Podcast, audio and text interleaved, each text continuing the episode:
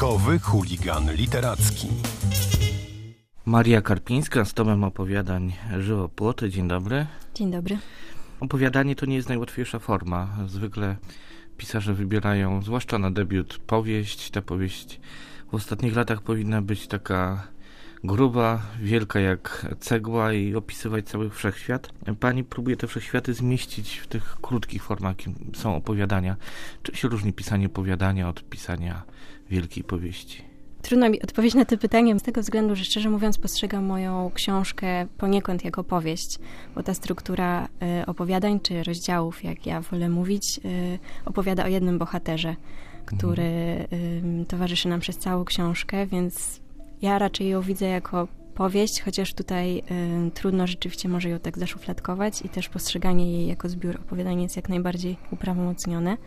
Pani bohater i bohaterowie to ludzie bardzo zwykli, czasem zestawiani w takich zadziwiających kontrastach, jak z jednej strony robotnik remontujący mieszkanie, z drugiej strony baletnica. To prawda, oni są bardzo różni, ale łączy ich ten sam głos narratora i, i przemijanie, które, mhm. którego spotyka, więc y, rzeczywiście nie jest łatwo może połączyć te historie w całość, ale takie też było moje założenie. Y, żeby ten narrator opowiadał cały czas o sobie, ale o sobie w bardzo różnych konfiguracjach i momentach, a żeby łączyło go to, że wypełnia tą powieść od początku mhm. swojego istnienia, aż po jego kres. No, on buduje swój świat nie tyle życiem wewnętrznym, co właśnie spotykanymi osobami, które jakby stanowią tematy tych kolejnych opowiadań, albo jak pani woli, rozdziałów. To prawda. Mm, on jest takim obserwatorem y, właściwie swojego życia. Też y, jest to coś, nad czym mam wrażenie pod koniec zaczyna ubolewać, mhm. że nie potrafi odnaleźć się w działaniu, raczej w tej obserwacji. Takie właśnie też było moje założenie, żeby on był jakimś takim głosem wielkiego opowiadacza, który raczej patrzy i rejestruje i jego życie spełnia się gdzieś w tych słowach, w opowiadaniu o swoim życiu niż w samym życiu ale tutaj też nie chcę jakby interpretować własnej powieści, bo... Czy jak u Vargasa e, Liosy ten opowiadacz staje się swoim opowiadaniem?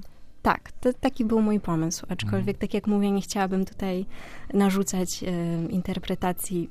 Z pewnością mogą one być różne i wszystkie dla mnie są bardzo ciekawe. Nie, niektórzy piszący darzą szczególną czułością swoich bohaterów zaprzyjaźniają się z nimi albo utożsamiają, że żyją ich życiem.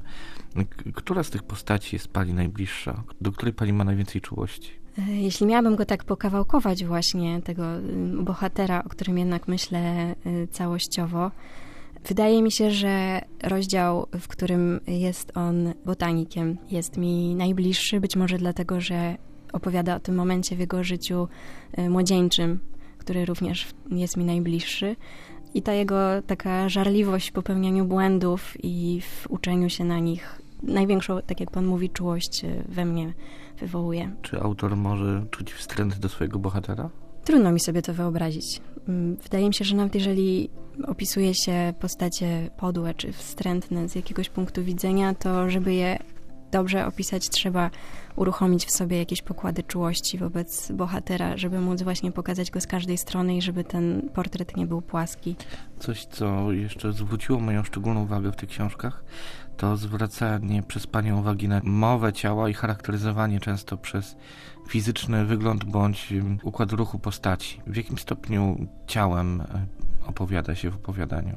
Wydaje mi się, że wynika to właśnie z tego y, założenia narratora, który jest takim okiem, który rejestruje swoje otoczenie i głównie, y, głównie po prostu na nie patrzy. Stąd on odczytuje emocje y, swoich towarzyszy czy osób, które pojawiają się w jego otoczeniu właśnie przez ich mowę ciała. Dla mnie chyba jest to dosyć taki naturalny sposób pisania. Po prostu zamiast powiedzieć wprost, y, z kim mamy do czynienia, łatwiej jest mi opisać sposób jego zachowania, czy właśnie ruchów, y, czy wyglądu, z którego czytelnik może odczytać jego cechy szczególne. Mhm. Maria Karpińska, autorka żywopłotów, które można czytać jak zbiór opowiadań albo jak jedną powieść, w której bohater się przepoczwarza. Dziękuję Pani bardzo. Ja dziękuję.